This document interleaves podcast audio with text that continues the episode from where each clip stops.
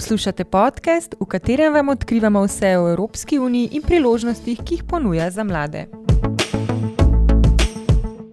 Mi znaš razložiti, kaj je EU? A EU, Easy. Union Europea. Evropska unija. Unione Europea. Evropska unija. Union Européenne. Poslušate podcast EU v Easy. Hanna, vi ste zaposlena v pisarni Evropskega parlamenta v Sloveniji in ste koordinatorica multimedijskega centra Doživi Evropo v hiši Evropske unije. Uh, vi, Peter, pa ste informator v multimedijskem centru Doživi Evropo in hkrati tudi prostovoljec uh, kampanje sk uh, Skupaj smo.eu. Um, lahko bi rekli, da sta oba dva zelo tesno povezana z Evropsko unijo, uh, kar pomeni, da poznata vse, kar se uh, dogaja v ozadju in kaj Evropska unija ponuja, um, uh, kako bi rekla temu. Um, Državljanom. In zdaj, mnogi državljani se sprašujejo, uh, kaj imajo oni od Evropske unije um, oziroma od članstva. Tako da mogoče bi začeli z nekim vprašanjem, uh, katere so glavne koristi članstva v Evropske unije. Ja, zdaj mogoče čist, čisto, čisto vsega verjetno ne poznava, zato ker je tukaj velik zadev. No, ampak mogoče bi začela s tem, da je da enostavno čutim, da je življenje v Evropski uniji res en velik privilegij. Um, odkar se je Slovenija pridružila Evropski uniji od leta 2004, se je naše življenje bistveno izboljšalo na mnogih področjih. Ampak ponovadi je v življenju tako, zdaj ne vemo, kaj imamo, dokler tega istega ne zgubimo. Um, tako da, zdaj, če se spomnimo, recimo, kakšno je naše življenje bilo, preden smo postali članica Evropske unije. Nismo mogli tako prosto potovati, uh, pogosto smo potrebovali vize, uh, nismo mogli kupovati oblačil in hrane v Italiji in jo potem prosto prenesti v Slovenijo. Uh, mladi niso hodili na tako številne izmenjave, kot je to danes. Um, enako pa, kar se tiče ne samo se pravi starejše generacije, no, ki so izkusile ravno to, kar, o čemer sem zdaj govorila, ampak tudi uh, mladi, uh, v bistvu, uh, nekako jim je Evropska unija že položena v zibelko in zato se dosti krat ne zavedajo koristi, ki jim prinaša Evropska unija. Um, Evropska unija, tako kot sem že povedala, ja, je, uh, se je naše življenje bistveno izboljšalo. Uh, smo del največjega enotnega trga, ki nam omogoča štiri glavne svobode, in to so prost pretok ljudi, uh, blaga, storitev. Um, in še eno sem pozabila. Kapitala. Kapitala, ja, tako vedno mi ena uide. Um, no, in v bistvu v Evropski uniji imamo to svobodo, in to je zelo pomembno poudariti, da se lahko zaposlimo, živimo, upokojimo in študiramo pravzaprav kjerkoli. In dosti krat na to pozabljamo. Zdaj, uh, ko smo postali članica EU, se je zgodila tudi največja monetarna sprememba v zgodovini sodobne Evrope za Slovenijo, ko smo leta 2007 dobili evro in s tem lahko ne le plačujemo z evrom v različnih državah članicah, zdaj od 1. januarja bo to mogoče tudi pri naši osedi na Hrvaškem. Ampak je s tem konkurenčnost postala večja in so se cene avtomatsko tudi znižale. Um, tako da to je recimo tudi ena od koristi. Potem uh, nadalje, uh, preden smo postali članica Evropske unije, je tudi letalski promet bil bistveno dražji. Uh, pre, prej so v bistvu državni organi bili tisti, ki so večinoma kontrolirali ta letalski promet, oziroma so bile državne letalski prevozniki, ki so imeli, imeli pravzaprav monopol.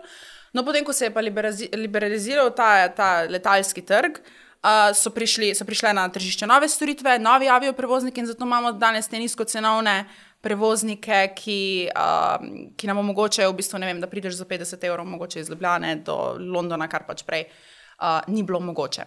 Um, tako da pomembno je, da ne mislimo, da tisto, kar se dogaja v Bruslju, da je nekje oddaljeno, uh -huh, uh -huh. ampak je pravzaprav 80% zakonodaje, ki se sprejme na evropski ravni, potem preneseno v Slovenijo. Uh, tako da zato imamo čistejši zrak, imamo bolj kakovostno hrano, recimo, ko vidimo vem, organski certifikat vem, na paradižniku, uh, vemo, odkot to prihaja in to prihaja iz Bruslja oziroma je sprejeto na evropski ravni. Tako da se teh zadev moramo bolj zavedati.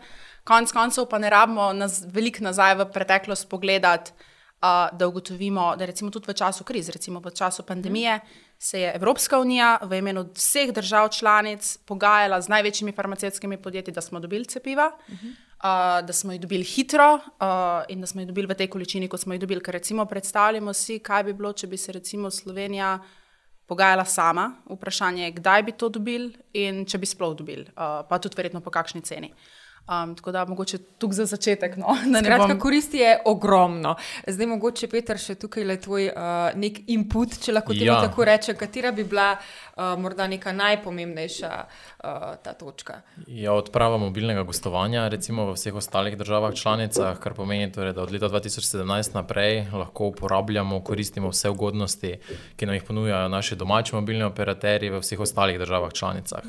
Um, to je nepredstavljivo, recimo pred letom 2017, za, če si vklopil mobilne podatke, recimo v tujini, si avtomatsko prejel domov račun za 300 evrov, um, kar je danes brezplačno. Um, in to je bilo torej izpogajano zdaj do, do leta 2032, uh, potem recimo tudi na področju uh, mobilnih telefonov se ravno sprejema zakonodaja, da bo od leta 2024 po celotni Evropski uniji enoten USB-C polnilec. Uh mhm. -huh. Kaj to pomeni? Torej, to pomeni, da bomo za vse naprave, elektronske in pa mobilne, imeli torej en univerzalen evropski polnilec, in s tem so bile torej te večje um, multinacionalke prisiljene oziroma primorane prilagoditi proizvodnjo za evropsko tržišče. Um, teda to je recimo še eden izmed teh eh, načinov, pa potem tudi v denarnico. Samo če pogledamo, ne, Hanna je torej omenila evro, poleg tega imamo osebne dokumente, s katerimi lahko torej ali osebno izkaznico ali potnim listom potujemo po vseh državah članicah. Uh, Torej, po območju Schengena, sploh se ne rabimo ustavljati, ampak gremo samo torej, brez uh, teh notranjih meja. Uh, pa potem recimo Evropska kartica zdravstvenega zavarovanja, ki nam ponuja, torej, da, se, da lahko za, torej, brezplačno dobimo neko prvo medicinsko pomoč v drugih državah članicah. Uh, vozniško dovoljenje, torej z našim slovenskim, ki je hkrati tudi evropsko, uh, potem lahko vozimo po vseh cestah, po državah članicah Evropske unije. Tako da uh, prednosti in koristi je res ogromno, ampak se jih žal ne zavedamo. Ampak to so neke take koristi, ki, nam, uh, ki jih v bistvu občutimo v vsakdanjem življenju, pa se ljudje tega sploh ne zavedajo. Res je. Ja. Ja. Um, zdaj, Hanna, vaša primarna funkcija je, kot sem že prej omenila, koordinatorka uh, multimedijskega centra Doživi Evropo, ki se nahaja v hiši Evropske unije. Uh, zdaj, mene zanima za ljudi, ki ne vejo, um, kaj je točno ta hiša Evropske unije in kaj je ta multimedijski center. Uh, bi lahko na kratko povedala, kaj ponuja ta multimedijski center in kaj to pravzaprav je? Uh, ja, kot si že povedala, um, ne, ja, torej, ja, nahajamo se na Dunajski cesti 20 v hiši Evropske unije. Um, zdaj najprej, da mečkam orientiramo, mogoče se bodo ljubljani lažje znašli, ko to povem. Uh, smo v nekdanji stavbi, kjer se je nahajal, uh, nahajala veleboglovnica Slovenija Les, oziroma arhitekt, arhitekturni stavbi uh, legendarnega arhitekta modernizma Milana Miheliča. Uh, tako da ja, smo v neposrednji bližini tudi gospodarskega razstavišča, tako da tu nas najdete. To je prva stvar, ki jo, ki, ki jo moramo povedati. V sami hiši Evropske unije pa se nahajata tako predstavništvo Evropske komisije kot pisarna Evropskega mhm. parlamenta. V samem pritličju, takoj ko vstopite v to lepo hišo, pa se nahaja multimedijski center Doživi Evropa in ja, jaz sem zadolžena za koordinacijo, ampak na terenu so pa ključni Pet, Petar in njegovi v bistvu kolegi, torej informatorji. Um, multimedijski center je uh, nastal na pobudo Evropskega parlamenta v sodelovanju z Evropsko komisijo in v bistvu bazični primaren cilj je, da se Evropska unija približa državljanom oziroma da jim na en tak um, poenostavljen, igriv način pojasnimo uh, ne samo, kako Evropska unija deluje, ampak tudi, kako je nastala, uh, kako pomaga v vsakdanjem življenju ljudem. Um, tako da v bistvu skozi različne interaktivne naprave, uh, ponujemo tudi vodene oglede, lahko spoznate vse to. Recimo preko interaktivnega zemljevida lahko raziskujete, kako je v različnih recimo, prestolnicah Evropska unija pomagala pri razvoju nekih projektov, ali pa recimo samo posameznikom, navadnim državljanom, kako vpliva v vsakdanjem življenju. Potem pa imamo tudi en del razstave, kjer so pa stene, v bistvu, kjer lahko spoznate vaše predstavnike, torej uh mhm. -huh. evropske poslance, 705 jih je, in evropske komisarje. Recimo, zelo zanimivi so filtri, kjer lahko recimo, vem, spoznate po njihovih področjih poslance ali pa recimo spoznate, kdo je najmlajši, najstarejši. To so neke stvari, recimo, ki zanimajo tudi najmlajše, se pravi, da jih spoznajo mogoče z nekega drugačnega zornega kota. Um, drugače pa, kar se tiče naših storitev, torej ja, ponujamo vodene obiske, uh, ponujamo predstavitve za šole. Uh, Glede na to, pa, da se v multimedijskem centru ni to zgolj multimedijski center, ampak je tudi informacijsko središče, mm -hmm. ki je pa kontaktna točka za vse državljane EU. Se pravi, če imate kakršno koli vprašanje v zvezi z EU, da iščete nek zakonodajni dokument ali pa nam želite predstaviti svojo državljansko pobudo, pa ne veste, kaj je naslednji korak, so v bistvu informatorji tu, da odgovorijo na vsa ta vprašanja. Um, No, vse to me zdaj v bistvu zanima, s kakšnimi vprašanji se pa ljudje običajno obrnejo na vas. Ne? Kaj so tiste stvari, ki jih najbolj ponovadi zanimajo in kar najpogosteje sprašujejo? Ja, vprašanja so zelo raznolika. Mislim, da bo Peter tu znal zelo dobro odgovoriti. Mislim, recimo, v povprečju mi odgovorimo na 150 vprašanj državljanov na mesečni ravni. Tako okay. da vprašanja so zelo raznolika. Ne vem, od potrošniških pravic do pravic eh, v prometu, mm -hmm. do recimo naložbenih načrtov za Evropo, Erasmusa. Uh, tako da zelo, zelo različna vprašanja so. Zdaj, mi nimamo odgovor, odgovorov na vse, ali pa recimo. Pogosto se z nas zgodi, da menimo, da je mogoče neka institucija bolj pristojna za določeno področje, ampak v vsakem primeru se vedno potrudimo, da olajšamo vašo pot do odgovorov. Tako da, ne vem, Peter, Ja. kaj ponavadi. Se Hanna je že povedala, v bistvu največkrat se na nas obračajo s vprašanji glede njihovih pravic, torej pravic državljanov Evropske unije, na kak način lahko to potem recimo dosežejo v letalskem prometu, recimo potem, ko se jim povrnejo recimo um, cena vozovnice in podobne zadeve, no, zaradi zakonodaje Evropske unije. Potem poleg se tudi tukaj najdejo številna vprašanja študentov, recimo za upravljanje prakse ali pa potem za izme, samo iz- izmenjavo Erasmusa. Um, potem pa taka vsakodnevna vprašanja, sploh kaj nam prinaša Evropska unija, kakšne so koristi, uh, potem razno razne mm, sofinanciranja, ki jih ponuja, recimo, da se prijavijo na razno razne projekte. Um, tako da to so nekako no, ponavljajoča se vprašanja. No, pa glede na to, da omenjate, da tudi um, mladi prihajajo. A je v zadnjih letih opazen ta uh, porast uh, zanimanja mladih za Evropsko unijo oziroma za um, aktivnosti, ki jih pač vi konkretno ponujate? Uh, je, z leti beležimo, torej vsak, vsako leto beležimo uh, večji interes strani mladih. Uh, je pa recimo tudi to z letošnjim letom, torej ko se je v srednje šole upeljal ta nov uh, predmet, aktivno državljanstvo, je pa to dobilo, po mojem, no, še neko novo razsežnost uh, in so pravzaprav mladi skozi šolski sistem primorani se učiti tudi o uh, Evropski uh, uniji. Um, je pa tudi na evropskih volitvah smo beležili torej, velik, um, udeležbo, udeležbo. zanimanje za Ja, mlade. Ja. predvsem med mladimi. Ja. Se je videl ta uh, skok, recimo, če primerjamo leto 2014 pa 2019, je že porasno in res upamo, da se bo ta trend večje udeležbe, predvsem med mladimi, v bistvu, ki so glas prihodnosti, uh, še naprej nadaljeval. tako da. In uh, kdaj vas pa lahko obiščemo v tej uh, hiši EU? To predvsem za, za mlade sprašujemo. ne? Ja, mi- mi kdaj z- lahko pridemo in pa na koga se lahko obrnemo? Mi si zelo, zelo želimo povečati število individualnih obiskovalcev. Zdaj, kaj mislimo potem? A, pravzaprav mimoidočih. Mi smo odprti vsak delovnik med 9 in 18 uro in praktično nas lahko obiščete vedno. Predhodna najava ni potrebna, je sicer zaželeno, sploh če prihajate recimo v okviru ne vem, šolske Ja. skupine, da si potem rezervirate vaš termin za tako za vodeni ogled kot za predstavitev. Ampak nas najdete torej na Dunajski cesti 20, vsak delovnik med 9 in 18. Za rezervacije in za, vse, za več informacij nas lahko kontaktirate po telefonu, preko e-pošte info.hisaju.si ali pa preko naše spletne strani dozivi-evropa.eu. Uh, in tam so pravzaprav vse informacije. Tako da vsi so dobrodošli uh, pri nas, res. Pa da vzbudimo še malo zanimanja, kateri je potem res tisti najbolj zanimiv element v me- multimedijskem centru, mogoče Uh, Peter? tukaj definitivno ta naša fotokabina, ki jo imamo, torej obiskovalci se tam lahko slikajo, si izberejo uh, ozadje, torej ali pred Evropskim parlamentom v Štrasburu, uh, potem razno razne, razno razne prestolnice Evropske unije in podobno. Uh, bomo pa zdaj do konca leta torej, uh, dobili tudi novo to fotokabino uh, in sicer bodo potem udeleženci oziroma obiskovalci postali del interaktivne razstave, ki se bo tam vrtela in pa hkrati si jo lahko poslali tudi na mail, da jo imajo potem uh, kot spomin. Uh, so pa vse te naše aktivnosti, ki jih izvajamo, brezplačne, uh -huh. uh, tako da vsi obiski šol, uh, potem tudi nudimo uh, brezplačen najem konferenčne dvorane zgoraj, uh, ki jo imamo, uh, torej, vkolikor se dogodek navezuje na EU vsebine.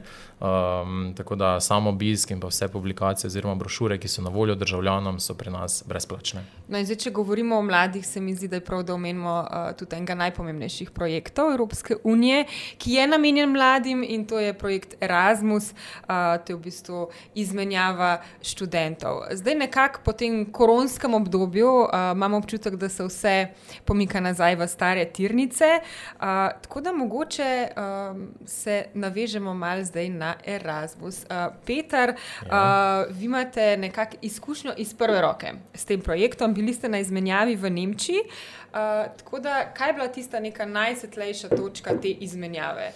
Res je. Uh, v Nemčijo se šele odpravljam uh, in sicer um, zdaj, torej pač prijavil sem se na to izmenjavo Erasmusa v drugem letniku uh, magistrskega študija.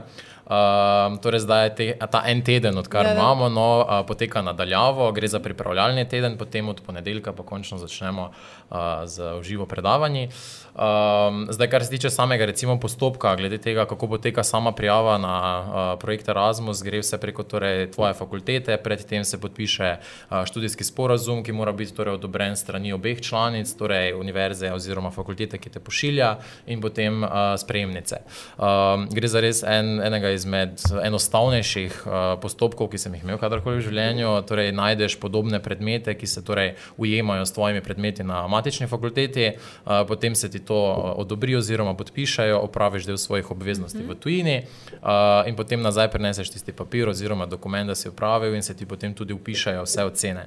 Zdaj, kar se tiče tudi same štipendije, gre za poenoten sistem, ki ga ima celo, torej, po celotni univerzi in sicer izpolniš te osebne podatke, potem ti pošljajo pogodbo, podpišeš in se ti takrat izplača najprej 80 odstotkov vrednosti celotne štipendije, preostalih 20 odstotkov pa potem prejmeš po uspešno zaključenih obveznostih v tujini. Um, za recimo letos štipendija znaša 600 evrov na mesec, um, za tiste države z torej, nižjim življenjskim standardom pa 540. Um, tako da um, je dovolj denarja za uh, preživeti v tujini. Um, je pa uh, tukaj na področju uh, tega financiranja, recimo, bilo ravno izpogajano strani Evropskega parlamenta, da se bodo sredstva za projekt Erasmus Plus še podvojila, kar pomeni, da bomo lahko torej v naslednjih, torej do leta 2027, imeli še več teh mladinskih izmenjav, um, ki so pa nepredstavljive, mislim, izrednega pomena iz tega razloga, ker torej greš v drugo državo članico, opravljaš del svojih obveznosti obveznosti, ki so ti potem doma priznane. Torej, izkušaš novo kulturo, spoznavaš nove ljudi, pri, dobiš nova prijateljstva. Mm -hmm. Tako da um, se že veselim. Peter, ko smo ravno pri tem, mene zanima, eh, kako se je projekt Erasmus skozi zadnja leta razvijal. Uh, pravzaprav gre za projekt, ki si ga je Evropska unija torej, ustvarila let, že leta 1987. In torej, od leta 1987 do danes je skozi ta projekt mladinskih izmenjav sodelovalo že več kot 10 milijonov ljudi, torej šlo je skozi njega že več kot 10 milijonov uh, udeležencev. Je pa tukaj še en zanimiv podatek, zraven tega, recimo, da je te številke treba potem še vedno prešteti uh, število tako imenovanih Erasmus dojenčkov. To je dejansko izraz. Ja, dejansko je. Ja. Erasmus dojenčki, uh, ki pravzaprav potem tudi nekako promovirajo ta cilj evropske ideje. Ne? Torej, uh, starši iz različnih uh, držav, potem avtomatsko ta otrok, recimo, govori tri tuje jezike, kar je potem tudi nekako.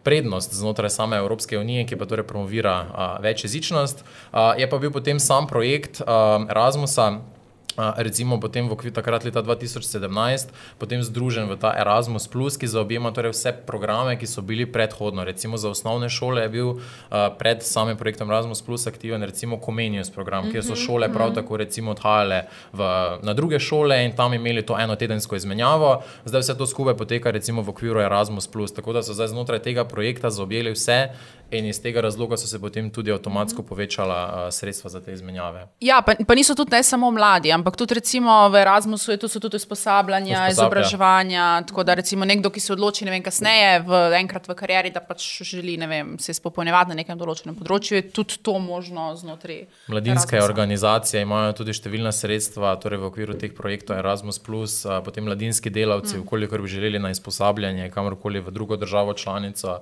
Tako da ni samo omejeno na mlade študente, ampak so tudi, tudi učenci, dijaki, študenti. Se pravi, ja, se pravi, je nek poudarek na, tudi na neko medgeneracijsko ja, ja. povezovanje. Ja. Ja. Hanna, ti si bila na kakšni izmenjavi? Ne, jaz žal nisem bila na Erasmus izmenjavi, ampak ne izključujem, no, kot sem rekla. Mogoče pa kasneje, kdaj, v karieri kasneje.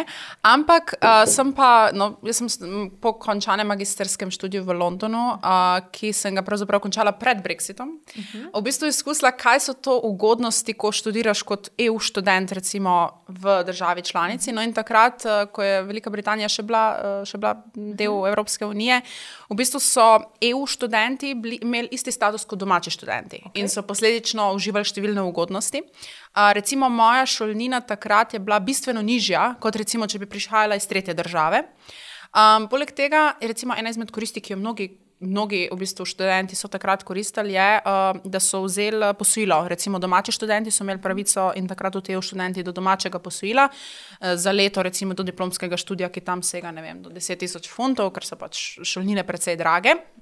Um, no, in vse to se je nekako zdaj po, po Brexitu izgubilo. Recimo, kaj zdaj to pomeni v, v praktičnem smislu, je, da so ne le, da študenti potrebujejo študentske vize, ampak tudi, da so šolnine bistveno više. Um, tako da v bistvu z 1. Uh, januarjem 2021, ko je vstopil, uh, ko, je, ko je bil sprejet, mislim, ko je začel začasno veljati ta sporazum o prihodnih odnosih z Evropsko unijo, v bistvu takrat naprej imajo zdaj vsi študenti, pravzaprav iz EU uh -huh. držav članic, ko grejo tja, nimajo več istega statusa, pravzaprav so tretirani kot mednarodni študenti. Um, tako da nas res žalosti, no, da, da, da Velika Britanija ni več uh, del Erasmusa, tako da pomeni v bistvu, da te izmenjave, se pravi, študentov bodi si iz otoka v Slovenijo in obratno ali pa s kjerkoli državo, drugo državo članico niso več uh, možne. No, so napovedi, da Škotska bo ostala v Erasmus, tako da tukaj, tukaj, tukaj moramo še počakati, da vidimo, mhm. kako se bo celotna zadeva uh, razpletla. Tako da to, to nas žalosti. No, po drugi strani, pa zdaj, ko že govorimo ravno o Erasmusu, ja, sredstva so se, uh, pravzaprav mislim, da celo potrojila, zato ker za ta sedemletni, več, uh, sedemletni finančni okvir, v bistvu mislim, da je celo 26 milijard mm -hmm. evrov uh, na voljo za, za, za Erasmus program in da je več kot 300 uh, šolskih institucij vključenih v program. Tako da vidimo, da se, v bistvu, da je, da je projekt uspešen, da se širi -hmm. in da je tudi k sreči vse več in več sredstev v bistvu na voljo. No, za... Ko govorimo v bistvu o teh uh, nekih pozitivnih aspektih Evropskega parlamenta, se mi zdi, da je vredno omeniti tudi prakso, ki jo ponujajo. Uh, in sicer ravno, um, če se ne motim, Hanna, ne, tvoja pot do uh, trenutne zaposlitve se je pričela s tako imenovano Šumanovo prakso v pisarni Evropskega parlamenta v Sloveniji. Uh, zdaj me zanima, kako do te prakse uh, sploh priti, ne, kot v bistvu nek študent um, in hkrati kako potem pride do zaposlitve v evropskih institucijah? Ja, res je. Moja pot se je res začela na Dunajski 20, kjer smo še danes v pisarni Evropskega parlamenta, uh, ki ponuja petmesečno plačano šumanovo stažiranje. Uh mhm. -huh. In v bistvu pri meni je bilo tako, zdaj sem končala magisterij uh, v Londonu, um, v bistvu na področju politike Evropske unije. In ja, nekako moja pot, ki sem si jo vse čas tekom študija želela, je, da so to EU institucije. No, in tako sem začela večkrat raziskovati po internetu, na EPSO strani, oziroma to je spletna stran Evropskega uh, urada za izbor osebja, kjer imate prav poseben uh, razdelek v spletni strani, ki je namenjen pripravništvu. Lahko tudi poiščete v bistvu pripravništvo preko Traineeship European mhm. Parliament, mm -hmm. če vas zanima konkretno samo uh, Evropski parlament. In tam v bistvu imate objavljene številna mesta, vem, na voljo je preko 400 pozicij za pripravništva. Um, tako da, v bistvu, to je bil glavni vir informacij za me takrat, v tistem trenutku. No, in zelo malo sem ugotovila, da ni možno pripravništvo upravljati le v Bruslju ali pa v Štrasburu ali pa Luksemburgu, kot večina mm -hmm. misli, ampak tudi v državah članicah. Možno ga je upravljati tudi v, na Indijskem oceanu ali pa v Karibih ali pa v Washingtonu, okay. kjer je recimo deluje Evropska agencija za zunanje delovanje. Tako da, Jaz bi rekla, da prvi v bistvu moj nasvet bi bil, da res se razišč, raziščejo mm -hmm. vse te priložnosti na teh spletnih straneh, ker jih je res ogromno. Res je tudi, da je konkur konkurenca velika. Zdaj, um, res je, da pač šumanovo stažiranje, tako kot sem rekla, ja, je petmesečno plačano stažiranje in to je izkušnja, ki bi jo vedno ponovila. Mm -hmm. uh, mi v Ljubljani pripadamo direktoratu za komuniciranje, um, smo precej mali tim. Um, Tako da v bistvu bilo mi všeč, da vsi delamo vse. Uh -huh. uh, naučiš se, da si zelo fleksibilen, naučiš se bolj efikasnega komuniciranja, komuniciranja na različnih platformah. Tako da je super, zelo dinamično delo, veliko je dogodkov, spoznaš poslance preko briefingov, ki jih organiziramo pred plenarnimi zasedanji. Imela sem celo priložnost, da grem v Strasbourg, -huh. da spremljam, kako, kako se dogajajo vse te debate, glasovanja in tako, tako da si res v, v samem procesu in da ugotoviš, da ni vse tako, kot te učijo na fakulteti. Vedno. Ampak ta selektivni proces je pa tudi precej zahteven, si predstavljam, kako to zgleda. Ja, res je. V bistvu, na, na, na, mislim, kar se tiče stažiranja, vem, da sem morala, se pravi, zahtevajo znanje vsaj dveh uradnih uh, jezikov EU, v tem primeru, mm recimo, kar se tiče, če želite delati v pisarnah v državah članicah, je pač slovenščina mm -hmm. v tem mhm, primeru mm -hmm. neizogibna, oziroma kateri koli jezik se govori v tej, v tej članici. Poleg tega še angliščina, uh, zaželjena je francoščina, ni nujna. Um, tako da to so, to so recimo neki od teh bazičnih no, eh, kriterijev, potem seveda motivacijsko pismo, ki mora biti čim bolj priporočljivo, da si to pravzaprav želite. Zdaj, ko govorimo pa o zaposlitveni prilo zaposlitvenih mm -hmm. priložnosti znotraj institucij, tukaj je proces um, večkrat bolj, um, mislim, traja dlje časa. Uh, ni, ni tudi ne tako kompleksen, da, da ne odvrnemo koga oziroma demotiviramo koga. Um, tudi enako, torej spet je vir informacij, EPSO spletna stran. In uh, nudijo, se pravi, znotraj EU institucij obstajajo različne kategorije uh, uslužbencev, uh, se pravi, stalno osebje. Uh, kjer je pač potreben, potrebno upraviti EPSO test, tukaj se recimo testira številčno, abstraktno, logično sklepanje.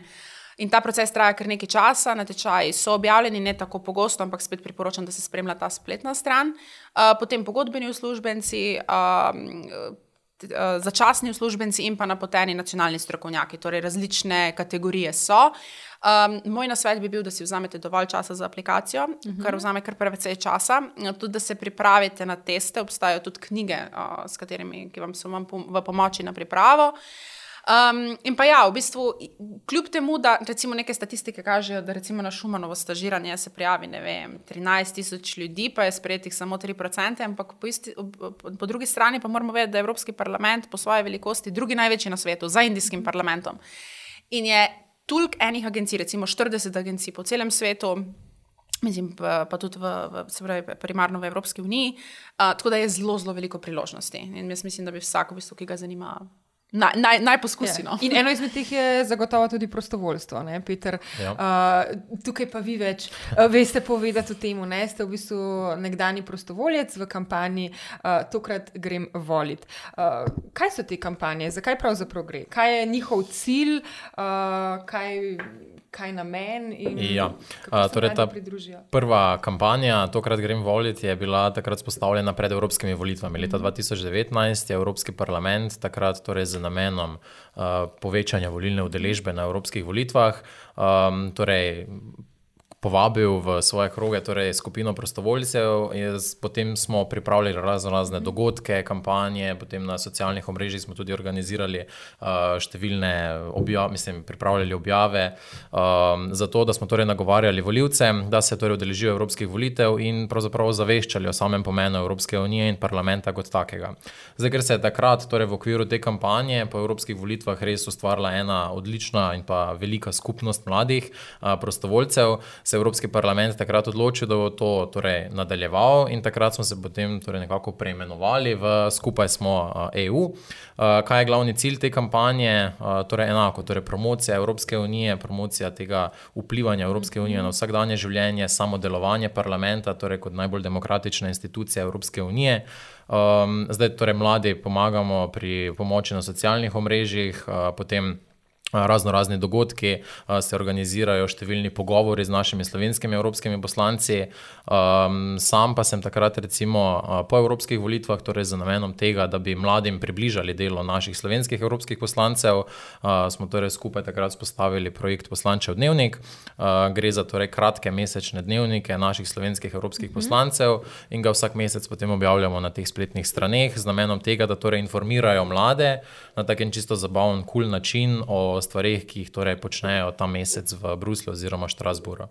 Se nam pa pridružijo lahko preko te spletne platforme, skupaj smo .eu, kjer pa potem tudi lahko odkrivajo številne dogodke oziroma okrogle mize, karkoli se torej organizira v sklopu te kampanje.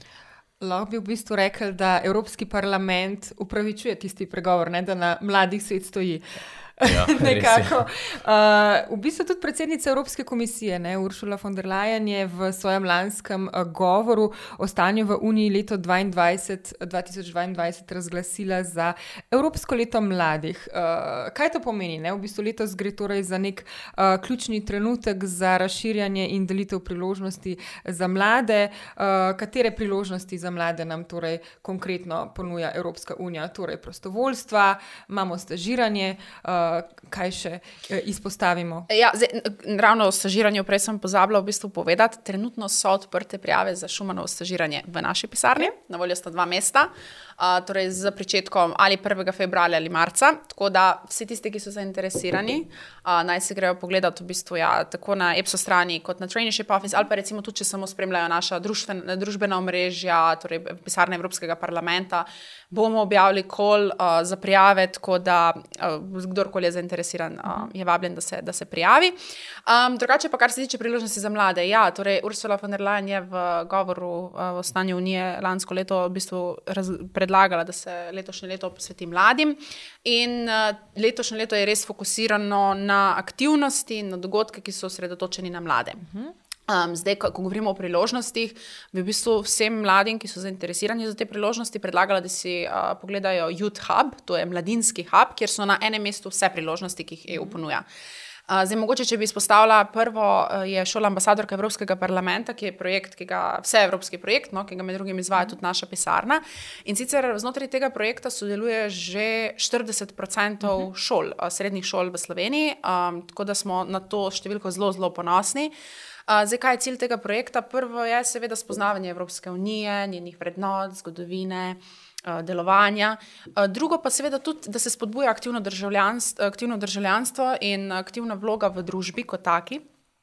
In zelo pomembno je, da so tukaj, da v tem projektu sodelujo tako mentori kot dijaki, uh -huh. tako da gre za ta zanimiv prenos znanja iz generacije na generacijo. Uh, Um, in znotraj tega, znotraj tega projekta v bistvu šole organizirajo dogodke, recimo mm. ob Dnevu Evrope, sodelujo v debatah direktno s poslanci. In to so pač debate, ki potekajo na neki taki bolj osebni ravni in takrat to zaintrigira mm. mlade in imajo v bistvu pogled na Evropsko unijo, ne da je to nekaj oddaljenega, ampak jim skušamo skozi to približati pravzaprav Evropsko unijo. In to, kako bi ti mu rekel, aktivno uh, sodelovanje mladih uh, pri nekem odločanju ne, je tudi pomembno. Recimo sploh pri volitvah, uh, ne letos vemo, da se bližajo tako župani, lanske volitve, tako predsedniške, uh, leta 2024 sledijo še evropske.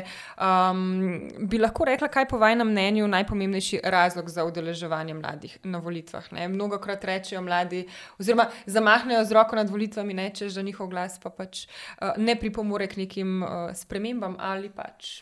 Ja, ravno to je največji problem. Torej, jaz mislim, da udeležba na volitvah je razlog, da, se, torej, da je glas mladih slišan. Uh -huh. uh, torej, s tem, ko ti izbereš nekega svojega predstavnika oziroma tistega ki, kandidata, ki ti najbolj ustreza, potem nekako on tudi na ta način zagovarja ta tvoja neka načela oziroma z nekimi pogledi, s katerimi se ti strinjaš. In tukaj recimo je sama udeležba na volitvah samo eden izmed teh vidikov, na kak način je lahko torej vse glas mladih uh, slišan in je pravzaprav prvi korak k temu, da spremenjamo družbo na bolje in pa v bolj demokratično družbo. Ja, mislim, da je v bistvu povsem preprosto. Zato, ker če ne gremo na volitve, pustimo drugim, da odločajo o naši prihodnosti oziroma naši usodi. In um, pravzaprav.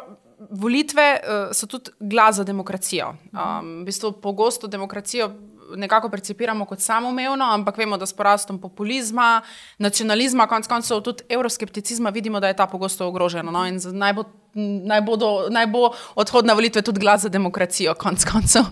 Torej, uh, Hanna in Peter, kot uh, neka mlada, nadobudna. Um, Na evropskem parketu bi lahko rekla, da um, se svet da spremeniti na bolje.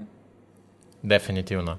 Uh, torej z, ne, ne samo torej z udeležbo na volitvah, ampak tudi v vseh prostočasnih dejavnostih, ki jih upravljamo mladi, torej vkolikor si član v razno raznih prostovoljnih društvih, obštudijskih dejavnostih, krožkih in podobno. To so vse te neke stvari, s katerimi potem na neposreden oziroma posreden način potem tudi vplivamo na samo družbo in cilj samega aktivnega državljanstva, cilj torej tega zbujanja demokracije je to, da se spreminja družbo na bolje. Uh, tako da definitivno ja. Ja, mislim, da nimam kaj dosti dodati. V bistvu priložnosti so tu, potrebno jih je samo izkoristiti, imeti interes in predvsem verjeti v to, da so spremembe mogoče. Se pravi, biti uh, radoveden in uh, si želeti uh, širiti svoje obzorja. Da, hvala vam za čudovit pogovor. Jaz bi mogoče za konec uh, še povabila ne, rado, ostale rad, mlade radovedne, že, da uh, pridejo pokukati v multimedijski center, uh, doživi Evropo v hiši Evropske unije. Ne? Hvala vama. Hvala. Hvala.